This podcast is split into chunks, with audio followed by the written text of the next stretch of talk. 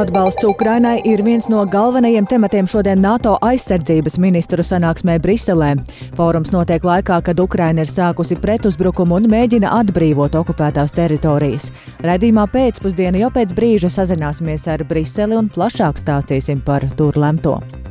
Rīgas sabiedriskajā transportā trūkst šoferu. Uzņēmums tādēļ prasīs atvieglot iespēju šoferiem iegūt autobusu vadītāju kategoriju. Skaidrosim, kā to vērtē par satiksmes drošību atbildīgie.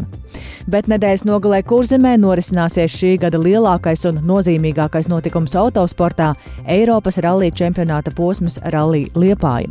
Arī par to visu plašāk tūdaļ ziņu raidījumā pēcpusdiena kopā ar mani Dāci Pēkšēnu.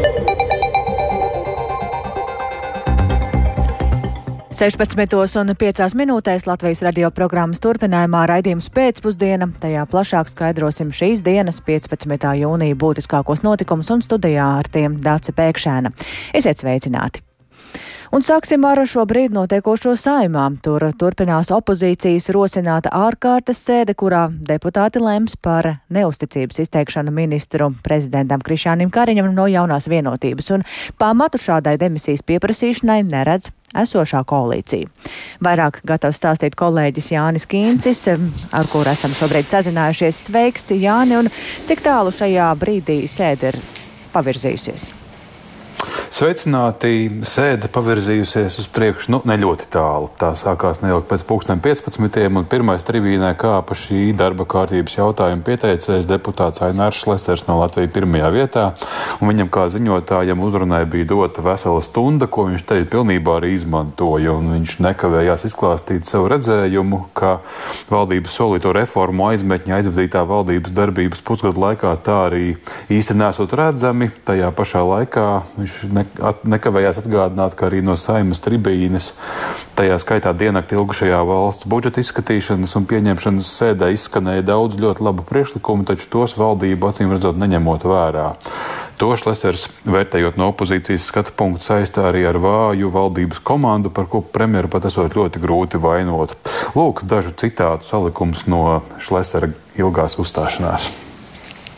Bet valdībai šodien nevajag, vai tā ir arogance vai nevēlēšanās. Es nevainoju jūs, jo premjerministrs jau pēc būtības ir savu veidu diriģents, kuram jādiriģē tas viss koris, kurš viņa priekšā tur attiecīgi darbojas. Bet vāji ministri, tā ir realitāte. Vāji ir problēmas. Tā ir realitāte. Ja jūs šodien pajautāsiet cilvēkiem uz ielas, kas ir izdarīts pēdējā pusgada laikā, diemžēl tās atbildes būs diezgan bēdīgas.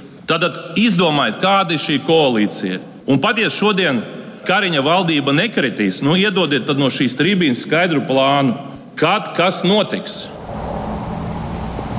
Savā uzrunā Šlesters aizrunājās arī līdz tam, ka valdība esošajā sastāvā tik un tā ilgi vairs nedarbošoties, jo aktīvi notiek koalīcijas pārveides un paplašināšanas sarunas, un jo ilgāk tās turpināšoties, jo ilgāk lēmumu virzība būšot traucēta. Un, kad Šlesters aicināja Kariņu viest konkrētāku skaidrību par valdības darba nākotni, premjeras vairāk nekā pusstundu bez pārtraukuma runājušajiem Šlesteram pasniedz ūdens glāzi, izraisot zālē smieklus. Pārējiem runātājiem debatēs dotas 15 minūtes, un to vismaz pašlaik pārsvarā vēlas izmantot opozīcijas deputāti. Progresīvo frakcijas vadītājs Kaspars Briškens uzskaitīja piecus prioritārus pasākumus, kā uzlabot valdības darbu. Viņš savā uzrunā jau pauda gan vīzijas trūkumu, pārmet vīzijas trūkumu satiksmes jomā, atbalsta trūkumu jaunu uzņēmumu izveidēji, uzsvēra arī uzdevumu beidzot ratificēt Stambuls konvenciju, kas aktualizē vardarbības apkarošanu pret sievietēm. Debatēs vēl šobrīd pieteikti izteikušies un runā jau arī Aleksējs Rosļikovs un vairāk citi stabilitātei frakcijas deputāti un arī frakcijas Latvijas pirmajā vietā pārstāvji un arī valdošās koalīcijas deputāti.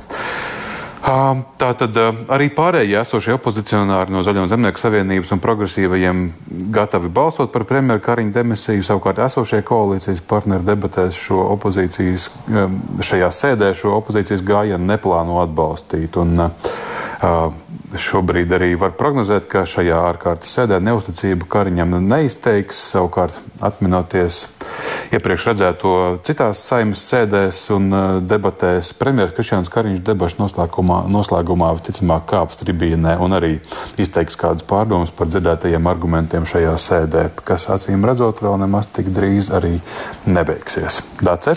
Jā, paldies. Tātad debatas šobrīd turpinās un um, balsojums šajā jautājumā ir vēl gaidāms, bet kādu būtisku lēmumu šodien saima jau ir pieņēmusi rīta pusē, proti turpmāk tie, kuriem ir izteikti draudi nodarīt smagu miesas bojājumu vai noslepkavot, būs vairāk pasargāti no varmākām. To paredz šodien sēmas galīgajā lasīmā vienbalsīgi pieņemtie grozījumi krimināla likumā. Jāatgādina, ka šādas izmaiņas likumos ir veicinājis traģiskais notikums pirms pāris mēnešiem Jēkabils novadā, kad Leons Rusiņš pēc ilgstošiem draudiem un vajāšanas nogalināja savu bijušo sievu. Un par to regulāri tika ziņots policijai, bet sieviete pasargāta netika. Un eh, plašāk par jaunajiem likuma grozījumiem un kā tos vērtē centrs Marta Paklausīsimies Agnijas Lazdiņas ierakstā. Līdz šim par draudiem izdarīt slepkavību vai nodarīt smagus miesas bojājumus, tostarp par vajāšanu, smagākais sots ir īslaicīga brīvības atņemšana līdz trim mēnešiem. Tāpat soda ar probācijas uzraudzību, sabiedrisko darbu vai naudas sodu. Taču līdz ar krimināla likuma grozījumiem par šāda veida noziegumiem varēs sodīt ar brīvības atņemšanu līdz vienam gadam, vai arī līdz trim gadiem, ja šādi noziegumi izdarīti pret laulāto vai bijušo laulāto, pret personu, ar kuru varmāk ir pirmajā vai otrajā radniecības pakāpē vai ir bijis pats patstāvīgās intīmās attiecībās vai ar kuru ir kopīga nedalīta saimniecība. Tāpat trīs gadu cietumsods draudēs arī tad, ja varmāka ļaunprātīgi nepildīs nolēmumu par aizsardzību pret vardarbību.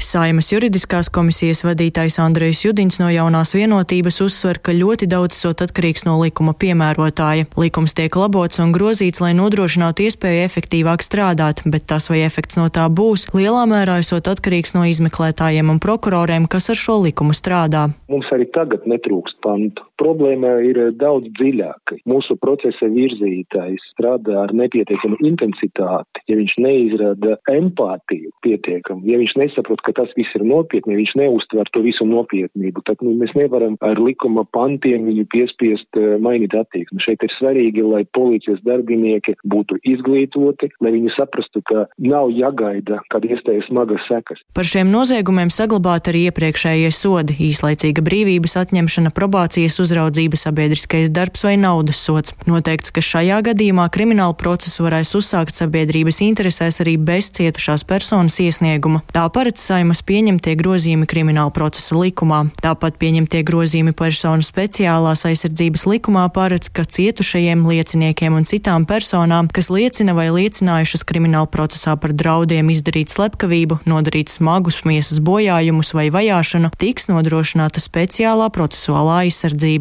Centra Marta vadītāja Ilta Lāca pieņemtos grozījumus vērtē atzinīgi, jo tie liecina, ka uz draudiem un vajāšanas gadījumiem skatās arvien nopietnāk. Galvenais jau ir tā likuma iedzīvināšana, un pie tā mums ļoti, ļoti jāstrādā, jo šie gadījumi, kas šobrīd arī publiski izgaismojās, nu rāda to, ka kaut kas jau mums likumos ir panākts, bet ar to iedzīvināšanu vēl neveicās. Nu, tiešām ir nopietni jāuztver noziegumi, kas notiek ģimenēs, kas tiek nodarīti pret līdzcilvēkiem, kas tiek nodarīti pret sievieti, un tad jau arī, ja tā attieksme mainīsies, es domāju, tad arī tās likuma normas būs vieglāk ieviest. Likums stāsies spēkā pēc viena mēneša 15. jūlijā. Agnija Lazdiņa, Latvijas radio. Un jāpiebilst, ka pēc tieslietu ministres priekšlikuma ir noteikts, ka pamatsodu probācijas uzraudzību sāks piemērot tiem pilngadīgiem, kuri attiecīgos noziegumus izdarījuši pēc šī gada 14. jūlija, tātad attiecīgi, kad šis likums būs stājies spēkā. Bet septiņas mediju organizācijas ir nosūtījušas kopīgi iesniegumu saimai, izsakot neusticību Nacionālajai elektronisko plašsaziņas līdzekļu padomai un pieprasot parlamentam atsaukt padomi. Pamatojums - padome sistemātiski pārkāpjot pilnvaras un ierobežojot neatkarīgu mediju darbu Latvijā. Nepilpa vadītājs Ivars Āboliņš pārmetums sauc par absurdiem un kategoriski tos noraida. Vairāk par to Zānis Eniņas ierakstā. Iesniegumu saimai parakstījusi Latvijas žurnālistu asociācija, Baltijas mediju izcilības centrs, Latvijas žurnālistu savienība un vēl četras mediju organizācijas. Tās uzskata, ka Nacionāla elektronisko plašsaziņas līdzekļu padome nepamatot iejaucas mediju radītajā saturā un rada nesamērīgus ierobežojumus mediju darbībai, tādējādi graujot plašsaziņas līdzekļu neatkarību. Tas tā notiekot jau ilgāku laiku. Tam līdzīgas darbības nepilpa tagadējā vadītāja Ivara Āboliņa darbībā esot bijušas vērojams jau iepriekšējā nepilpas sastāva laikā, teica biedrības Latvijas Reģionālo mediju asociācija valdes priekšsēdētāja Ivona Plaude. Bet pēdējais piliens bijis lēmums ar naudas sodu pārmācīt interneta mediju TVNet par nepareizā kontekstā lietotu terminu. Turpina Ivona Plaude tālākie šie nepilnu skaidrojumi, padomus skaidrojumi, kuros mēs varam redzēt, ka cilvēki tā teikt nepārzina lauku, kurā darbojas. Nu, runāt par to, ka vārds deportācija sarunā, intervijā no intervējumā puses pielietojams, ka lūk, šis ir kaut kāds neprecizitātes vai, vai, vai, vai neutralitātes principu ne, neievērošana, tad likumā par to mēs varam runāt un arī žurnālistikā ziņas var būt neitrālas, bet ne intervija. Iesniegumā pausts tā vietā, lai padomi nodrošinātu pamata uzdevumu, vārda un uzskatu paušanas brīvību, sociāli nozīmīgas informācijas vispārēju pieejamību un netraucētu brīvas diskusijas uzturēšanu medijos, tā cenšas sodīt plašsaziņas līdzekļus. Padomas darbībai bijušas negatīvas sekas, tostarp satura apjoma un programmu skaita samazinājums. Kā absurdus un melīgus šos pārmetumus noraida padomas priekšsēdētājs Ivars Āboliņš. Viena no lietām, kas padomē tiek pārmesta, ir programma apjoma samazinājums. Un, jā, tie ir fakti. Pagājušajā gadā Latvijā tika aizliegts vairāk kā 120 Kremļa propagandas programmas. Un pārmest šajā brīdī padomē cīņa pret Kremļa propagandu ir vienkārši amorāli. Āboliņš pauda, ka nepiekrīt nevienam iesniegumā ietvertajam pārmetumam. Savukārt Ivona Plaude akcentēja, padomas darbībai ir stingzinošs efekts, kas izpaužoties kā žurnālistu pašcensūra, kā arī piesardzība viedokļu izteikšanā, jo no tā varētu būt atkarīga valsts finansējuma saņemšana vai nesaņemšana sabiedriskā pasūtījuma daļas izpildēji. Šī iemesla dēļ atsevišķas mediju organizācijas esot atturējušās parakstīt iesniegumu. Jāatgādina, ka nepilpu locekļus pēc konsultācijām ar kompetentām organizācijām izvirza Saimas cilvēktiesību un sabiedrisko lietu komisija, un amatos uz pieciem gadiem apstiprina Saima. Zana Eniņa, Latvijas radio. Un jāpiebilst, ka viena no organizācijām, kas nav parakstījusi iesniegumu saimai par nepilpu atsaukšanu, ir Latvijas raidorganizācija asociācija. Un tās valdes priekšsēdētāja Ieva Mēļķa norādīja, ka Organizācija vēloties nogaidīt tiesas lēmumu saistībā ar TVNet gadījumu, un tā kā pagaidām šajā lietā vēl esot daudz nezināmo, tad arī asociācija atturējusies no pievienošanās iesniegumam. Taču viņa arī piekrita, ka varētu būt kādas organizācijas, kuras saglabā neitrālu pozīciju, jo uztraucas, ka varētu nesaņemt sabiedriskā pasūtījuma finansējumu. Tas tātad par medijiem, bet par Ukrainu runājot atbalsts Ukrainai un gatavošanās Viļņas samitam tie ir galvenie temati šodien un rīt notiekošajā NATO aizsardzības ministru sanāksmē Briselē. Sanāksme notiek laikā, kad Ukraina ir sākusi pretuzbrukumu un mēģina atbrīvot okupētās teritorijas, un tāpat ministri spriedīs par jauniem Baltijas reģionu un pārējo NATO austruma flanga valsts aizsardzības plāniem, kas kopumā ir uz 3000 lapas pušu, un NATO galvenajā mītē arī atrodas mūsu korespondents Arčuns Konohovs, ar kuru esam šajā brīdī sazinājušies tiešēdē. Labdien, Arčum, un um, nenoliedzami daudzu uzmanību pasaulē šobrīd ir pievērsta Ukrainas pretuzbrukumam. Ko par to saka NATO galvenajā mītnē? Jā, labdien, Dārsalim, un labdien, klausītāji! Tik tiešām šeit NATO galvenajā mītnē tagad daudz tiek runāts par Ukrainu, jo sanāksme ir sākusies ar Ukrainas kontaktgrupas, jeb tā dēvētā Ramštainas formāta sanāksmu, kur tieši tiek koordinēta militārā palīdzība Ukrainai un tiek runāts par tādiem ļoti konkrētiem soļiem. Tas nav tieši tiešā NATO pāraudzībā, bet, nu, protams, ir cieši saistīts, jo daudzas valstis, kas ir šajā formātā, protams, ietilpst arī NATO aliansē, un tas arī šoreiz notiek šeit, NATO galvenajā mītnē. Un faktiski, jebkurā brīdī, kad NATO ģenerālsekretārs Jens Stoltenbergs ir uzrunājis presi, viņš šajās dienās ir atkārtojis vienu un to pašu tēzi, ka līdz šim sniegtais atbalsts sāk parādīt savus rezultātus, ka tiešām mēs redzam, ka, um, ka tas nav bijis velti un ka tas tiešām spēj mainīt uh, situāciju. Paklausīsimies viņa sacītām.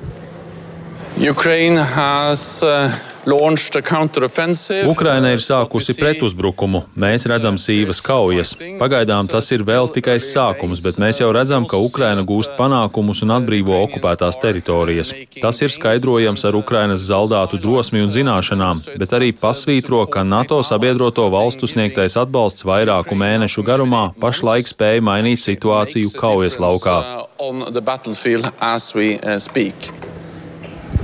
Un, protams, ir arī interesanti redzēt, jā, kā Ukraiņi paši rēģē uz šo, un ir ieradies arī šeit Ukrainas aizsardzības ministrs, kurš arī piedalās sarunās, un viņa lielākais uzsvars ir bijis, um, tāpat kā arī iepriekš um, pēdējās nedēļās, uz to, ka Ukrainai ir nepieciešami iznīcinātāji, un ka Ukrainai ir nepieciešama, lai NATO valstis pieņem šo lēmumu pēc iespējas ātrāk, un uh, viņš to ir nodēvējis par tādu putnu koalīciju, ka būtu nepieciešams izveidot Putna koalīcija, bet nu, par to pagaidām vienprātības nav un arī skaidrs, pieņemsim, iepriekš eh, Nīderlandes um, um, aizsardzības ministre ir izteikusies, ka viņas prāt tas ir tāds vairāk ilgtermiņa jautājums un ka šie F-16 iznīcinātāji viņi drīzāk spēlēs lomu nevis uh, Ukrainas karā, bet jau pēc tā, kad uh, tie varēs atturēt no iespējamiem uzbrukumiem.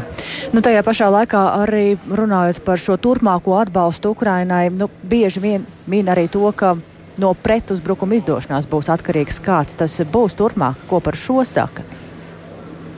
Tik tiešām par to tiek bieži runāts, un šo jautājumu es uzdevu arī aizsardzības ministrei Inārai Mūrniecei, kad mēs e, tikāmies pirms šīs sanāksmes, un es vaicāju, vai viņa redz tajos formātos, kur viņa piedalās, kaut kādu nogurumu, kaut kādu nosacījumus, kas tiek varbūt izvirzīti, e, lai turpmāk sniegtu palīdzību. Un viņa atbildēja noliedzoši sakot, ka vismaz šajā jau pieminētajā Ramšteinas formātā viņa neko tādu nesaskata. Paklausīsimies. Šajā līmenī ir ļoti skaidra sapratne, ka mēs visi gribam cerēt uz brīdumu, visi gribam cerēt uz ātru Ukrainas uzvaru, bet dzīve ir dzīve. Mēs redzam, ka nu, šie ļoti svarīgie lēmumi, cik daudz un cik dārgi Ukrainai tie maksā, arī mēs darām ļoti daudz. Šobrīd koncentrējamies uz Ukrainas karavīru apmācību. Un jāteic, ka mūsu kolēģus pārsteidz tas Ukraiņas karavīru skaits, ko Latvija ir apmācījusi jau līdz šim un arī plāno apmācīt līdz gada beigām.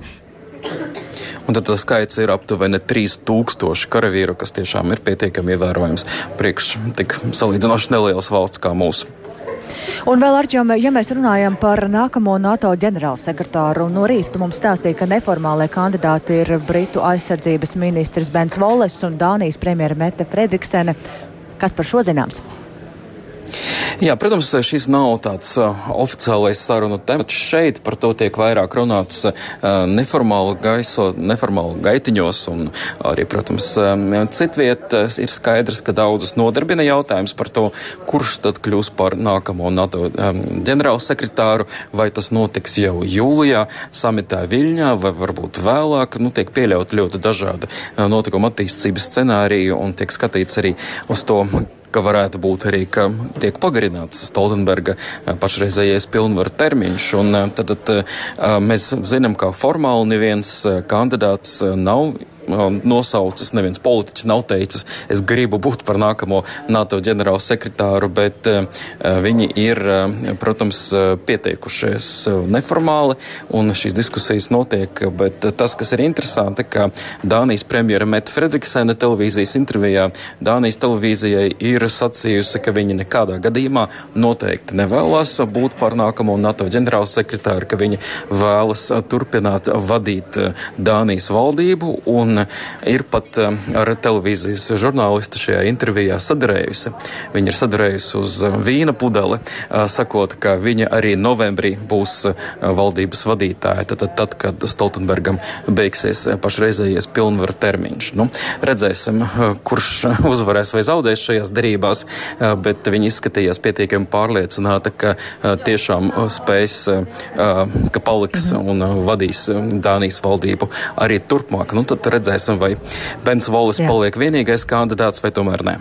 Jā, paldies Arčom, tik tālu Arčoms Konohovs Briselē, bet svarīga ziņa šodien ir saņemta arī no Frankfurtas. Eiropas centrālās bankas padomes sēdē ir nolemts paaugstināt galveno bāzes procentu likmi par 0,25% punktī līdz 4%. Un Procentu likmes palielinātas ir astoto sanāksmi pēc kārtas, un jaunās likmes būs spēkā no 21.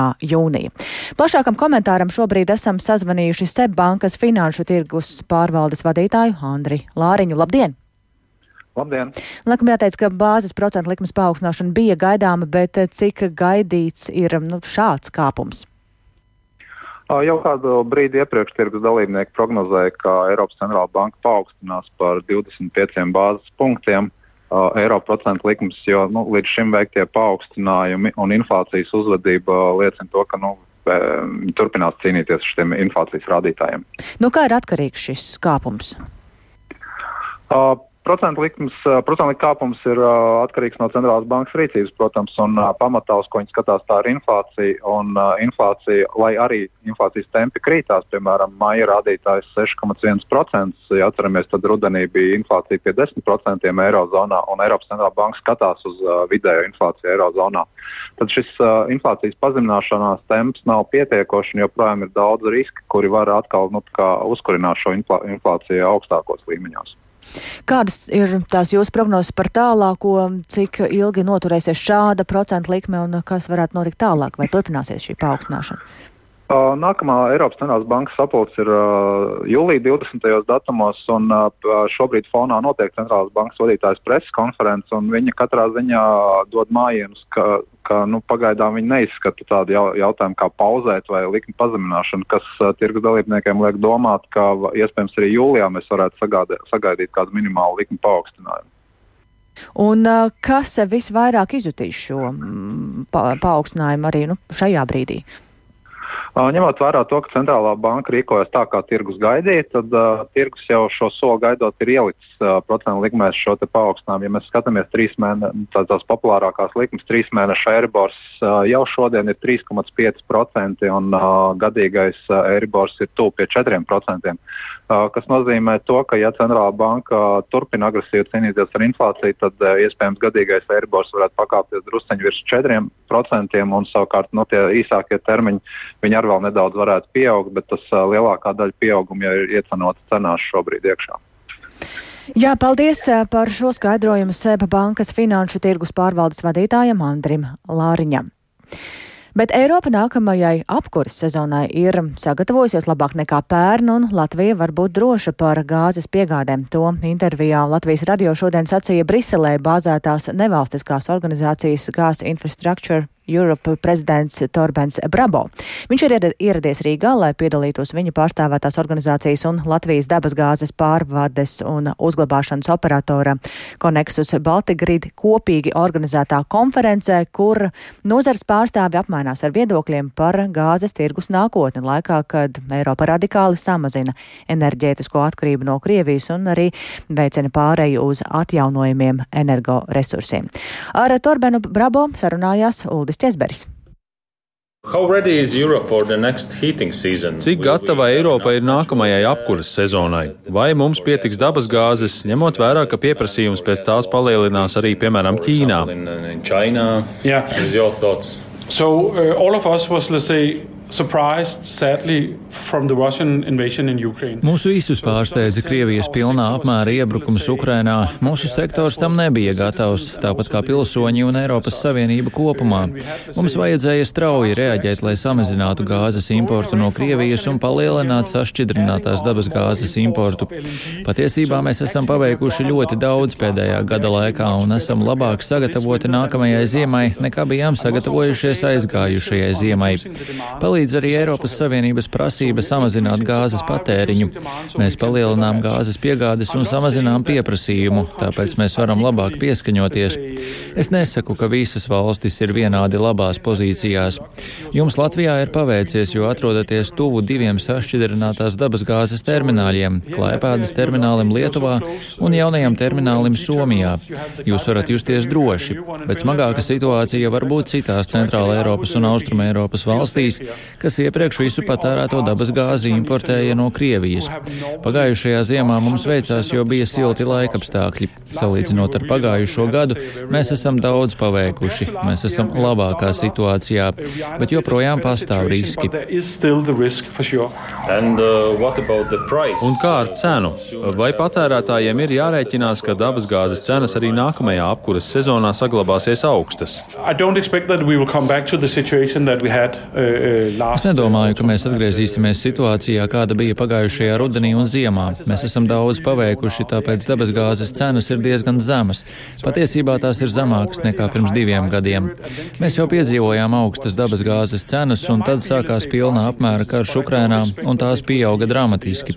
Arī turpmāk nevar izslēgt cenu pieaugumu, bet es nedomāju, ka tas būs tik mežonīgs kā pagājušajā gadā. Bet vispār mums vajadzētu pierast pie tā, ka par energopakalpojumiem ir jāmaksā vairāk. Mēs esam apņēmušies īstenot zaļo kursu un samazināt oglekļa emisijas, kas pieprasa investīcijas infrastruktūrā un atjaunojamos energoresursos. Tāpēc mums būs jāmaksā vairāk, bet tas ir upuris, kas būs jānes, lai glābtu planētu. Eiropas valstis steidz būvēt sašķidrinātās dabasgāzes infrastruktūru, bet vai nepastāv risks, ka piegādes jauda pārsniegs pieprasījumu un šī infrastruktūra netiks izmantota? Yes. Protams, šāds risks pastāv. Lietas tik strauji mainās, ka iespējams kaut kur būs infrastruktūra, kas tiks izmantota mazāk nekā mēs gaidījām. Bet, ja mēs nebūtu to uzbūvējuši, tad mums varēja izveidoties situācija, ka būtu reģioni un valstis, kurās pašlaik būtu gāzes deficīts. Politikas veidotāji un gāzes infrastruktūras uzturētāji gadiem ir diskutējuši par to, kā mēs varētu izmantot esošo infrastruktūru nākotnē, kad notiks straujā teikšanās no fosilajiem energoresursiem. Visu esošo infrastruktūru, arī sašķidrinātās dabasgāzes termināļus, varēs izmantot citu gāzu transportēšanai un uzglabāšanai. Vienā no konferences paneļa diskusijām mēs runājām par sašķidrināto biometānu, sašķidrināto sintētisko degvielu un sašķidrināto ūdeņradi.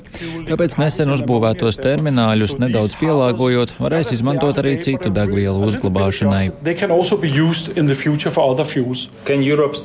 Vai Eiropa var pilnībā pārtraukt gāzes importu no Krievijas? So Manuprāt, mēs esam pierādījuši, ka varam to izdarīt. Mēs esam samazinājuši Krievijas dabasgāzes importu no 140 miljārdiem kubikmetru gadā līdz aptuveni 25 miljārdiem kubikmetru. Mēs joprojām importējām Krievijas dabasgāzi caur Ukrainu un arī caur Turciju, bet mēs esam parādījuši, ka vairs neesam tik ļoti atkarīgi no Krievijas gāzes.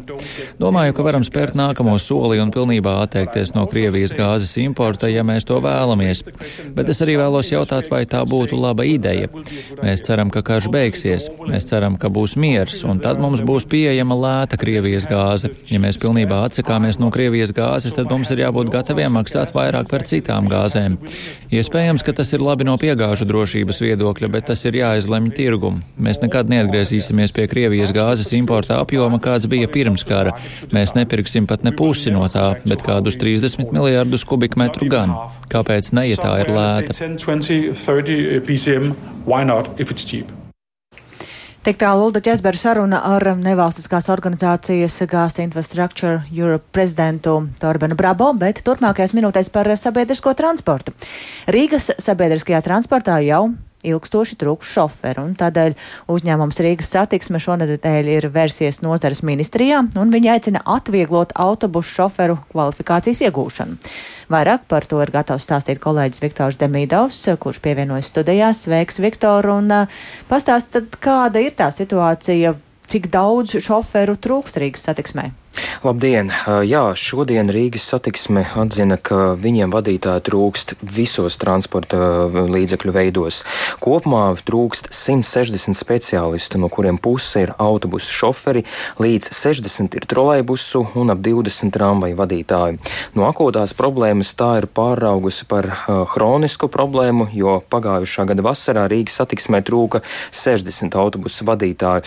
Tātad kopumā mm, no 1600 vadītājiem, ja 160 trūkst, tātad 10% deficīts viņam tagad ir. Un, ja mēs atceramies pagājušo gadu, tad deficītu toreiz izdevās samazināt pateicoties trolejbus vadītājiem, kuru bija pietiekami daudz. Savukārt atgriežamies pie, pie šodienas ziņas, tātad sarunā ar uzņēmumu vadītāju Džinetu Innusu. Viņa teica, ka vadītāji ir vidēji pie, pie, 55 gadus veci, vairākiem ir haroda slimības, un tāpēc viņa nevar strādāt pilnu slodzi. Un, ja runājam tieši par autobusu vadītāju trūkumu, tad, lai problēmu mazinātu, uzņēmums šodien vērsies pie satiksmes ministrijas, lūdzot atvieglot autobusu šoferu kvalifikācijas iegūšanu. Tagadējā kārtība ir tāda, lai iegūtu D, jeb autobusa vadītāja kvalifikāciju, vispirms ir vajadzīga B, jeb vieglā transporta līdzekļa kvalifikācija, un C, jeb kravas auto vadītāja apliecība. Inus uzskata, ka kārtību vajadzētu mīkstināt. Pretendents, kuram, piemēram, ir tikai vieglās automašīnas vadītāja tiesības, caur apmācību, izējot, protams, noteiktus kursus un arī veicot praktisko apmācību, var uzreiz iegūt autobusu vadītāja kvalifikāciju. Neiegūstot šīs papildus C kategorijas vadītāja tiesības, kas pirmkārt pātrinātu procesu, otrkārt varbūt tiem, kas šaubās vai nevēlas ne, un zina, ka viņš nekad nebrauks ar smago mašīnu, tomēr izvērtēt iespēju kāpēc nebraukt pa pilsētu ar labu jaunu autobusu. Tālāk uzņēmuma vadītāja Džineta Innusa. Jā, un tā tad es arī vērsos satiksmes ministrijā, kur gan teica, ka viņi ar šo vēstuli vēl nav iepazinušies, un tāpēc pagaidām nekomentē, vien norādot, ka šo priekšlikumu būs jāskatās kontekstā ar Eiropas Savienības direktīvām. Nu, no tā mēs varam secināt, ka nevar vienkārši izdomāt Rīga vai Rīgas satiksme vai, vai Latvija, neskatoties uz Eiropas Savienības noteikumiem. Paši savus noteikumus, ka tie ir jāsaskaņo. Jā, tieši tā. Savukārt CSDD norāda, norāda ka viņi noteikumus tikai izpilda, un attiecīgi mēs, mums ir jāgaida atbilde no ministrijas, kas atbildi došo tuvāko nedēļu laikā. Savukārt satiksmes eksperts Oskars Irbītis uz, uz šādu priekšlikumu mīkstināt noteikumus raugās visai skeptiski drīzāk nevis mums būs jāpiet kāda konkrēta kategorija, jāveic šīs izmaiņas, bet drīzāk mums būtu jāpaplašina šī iespēja, kur tieši sagatavot šos autovadītājus sabiedriskajam transportam, tieši pilsētas sabiedriskajam transportam, bet ja mēs tomēr apējam šo kravas automobīļu posmu, tad, um, nu, manā uzskatā, ka tiktu apdraudēta drošība tieši tādos starptautiskos autobusu pārvadājumos, kur tomēr šim autovadītājam jābūt jābūt ļoti augstai sagatavotību kategorijai. Jā, dzirdējām Oskaru Irbīti, satiksmes ekspertu, un uh, atbildīja par šo, nu, visai, kā izklausās tāds diskutabls jautājums. Um, es arī jautāju Jurim Kalniņam, Latvijas sabiedrisko pakalpojumu transporta darbinieku arotbiedrības vadītājam, uh, kā viņš uz to raugās.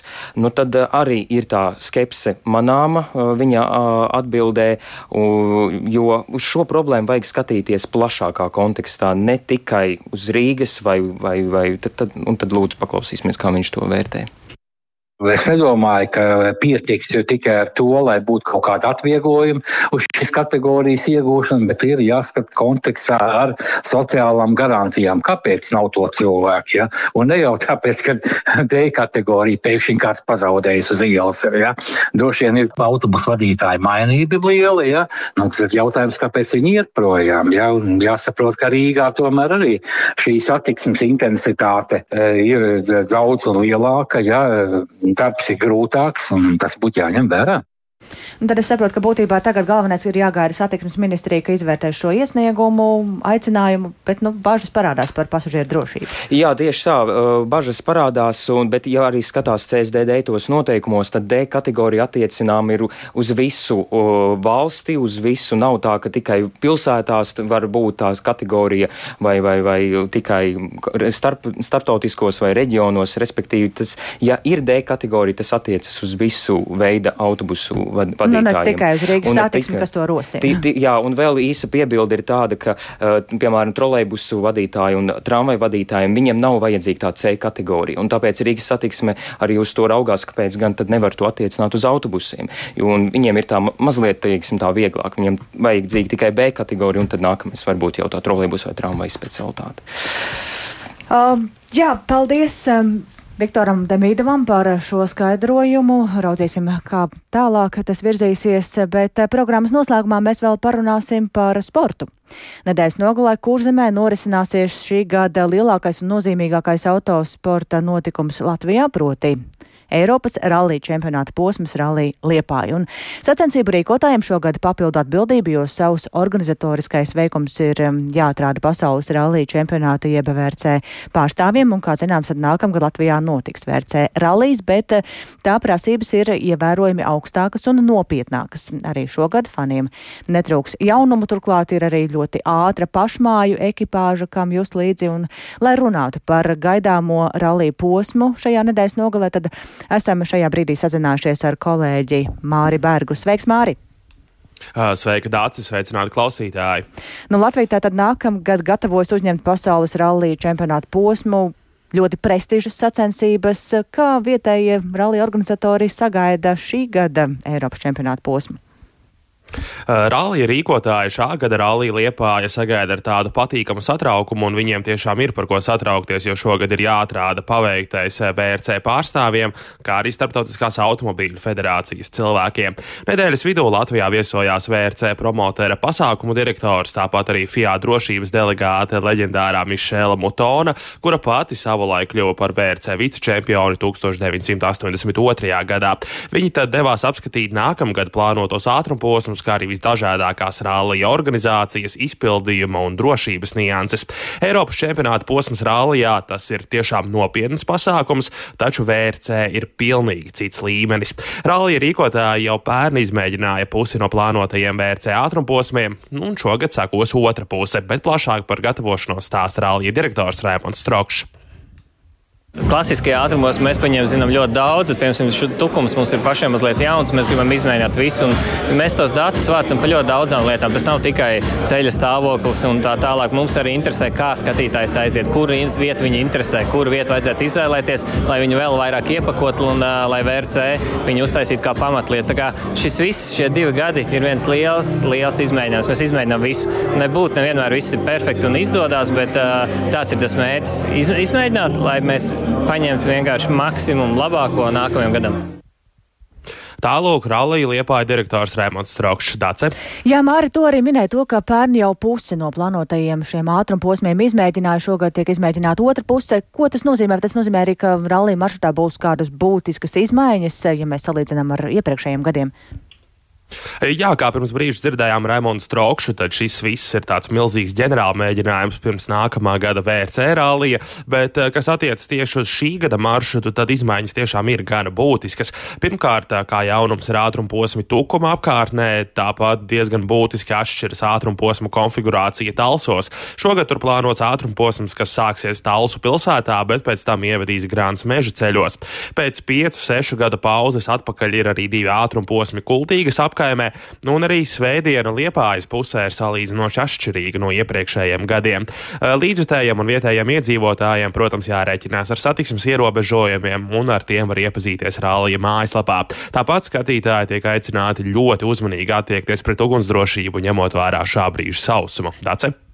Jā, un vēl parunājot par pašmāju ekipāžu Mārtiņu Sasku un Renāru Franci. Viņiem līdz šim ir veicies labi, um, uzvarot pēdējā Eiropas čempionāta posmā Polijā. Uz ko varam cerēt šoreiz, vai viņiem šajā trasē varētu būt kādas priekšrocības?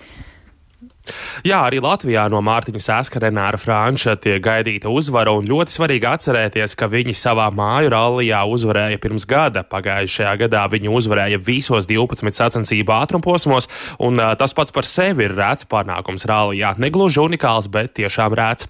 Cerības šogad ir lielas, taču viņiem arī šā gada maršrutā ir daudz nezināmo, tāpēc mājinieku priekšrocības nosacīti būs mazākas. Kārtis var sagriezt arī lietus, kas šobrīd ir saskatāmas skatāms laika prognozē gan sestdien, gan svētdien. Tātad rallija maršrutā var uzlīt, un ja lietus uznāk ātrumposma laikā, tad tas var krietni sajaukt kārtis. Bet tagad klausāmies Mārtiņu Sēsku. Tas pavisam noteikti var mainīt rezultātu, un tā jau ir tā rallija būtība, ka, ka tomēr ir daudz neparedzamo lietu. Šī starta secība rallijos ir tā, ka ja mēs visi braucam tomēr pēc piekdienas kvalifikācijas rezultātiem, līdz ar to tie braucēji ātrumi ir, ir plus mīnus līdzīgi startējot kopā. Tad jau arī redzēsim, kā tas, kā tas nospēlēs. Katrā ziņā, ja kādā no naktīm uznāk lietus, un tad nākamajā rītā šie ceļi nedaudz mitri, visiem vienādi, tad es domāju, tas atvieglo gan braucējiem, gan skatītājiem, un it sevišķi skatītājiem. Jā, tā Mārtiņš Sēsks. Rallijas būtībā jau sākas šodien ekipāžām veicot rases pierakstus, bet rīt Liepājā jau ieplānota atklāšanas ceremonija. Pirmie sacensību ātruma posmi sestdien no rīta tukuma pusē, bet jā, šobrīd man par ralliju tas ir viss. Nu jā, un kā jau tu minēji, tad arī jārēķinās ar dažādiem satiksmes um, ierobežojumiem, vairāk ceļu posmi slēgti. Jā, tā ir vai ne? Jā, tā ir, ir slēgta ceļa posma, un, protams, būs jāizvēlas kādi apkārtceļi, lai šos slēgtos posmus varētu apbraukt.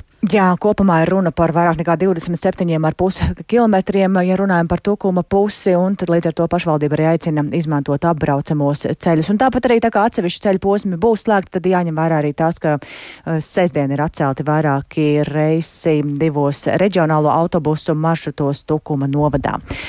Tas tik tālu par uh, ralliju, un ar to arī izskan ziņu raidījums pēcpusdiena, ko veidoja Dāca Pēkšēna un Ilze Agīnta, kā arī Kaspars Groskops un Rita Karneča. Vēl īsi par būtiskāko saima tātad vērtē opozīcijas partiju iesniegto premjeru demisijas pieprasījumu. Eiropas centrālā banka ir palielinājusi bāzes procentu likmi līdz 4%. Un um, vairākas mediju organizācijas izsaka neusticību Nepulpu un prasa saimai to atsaukt. Uztikšanos rīt! Yeah.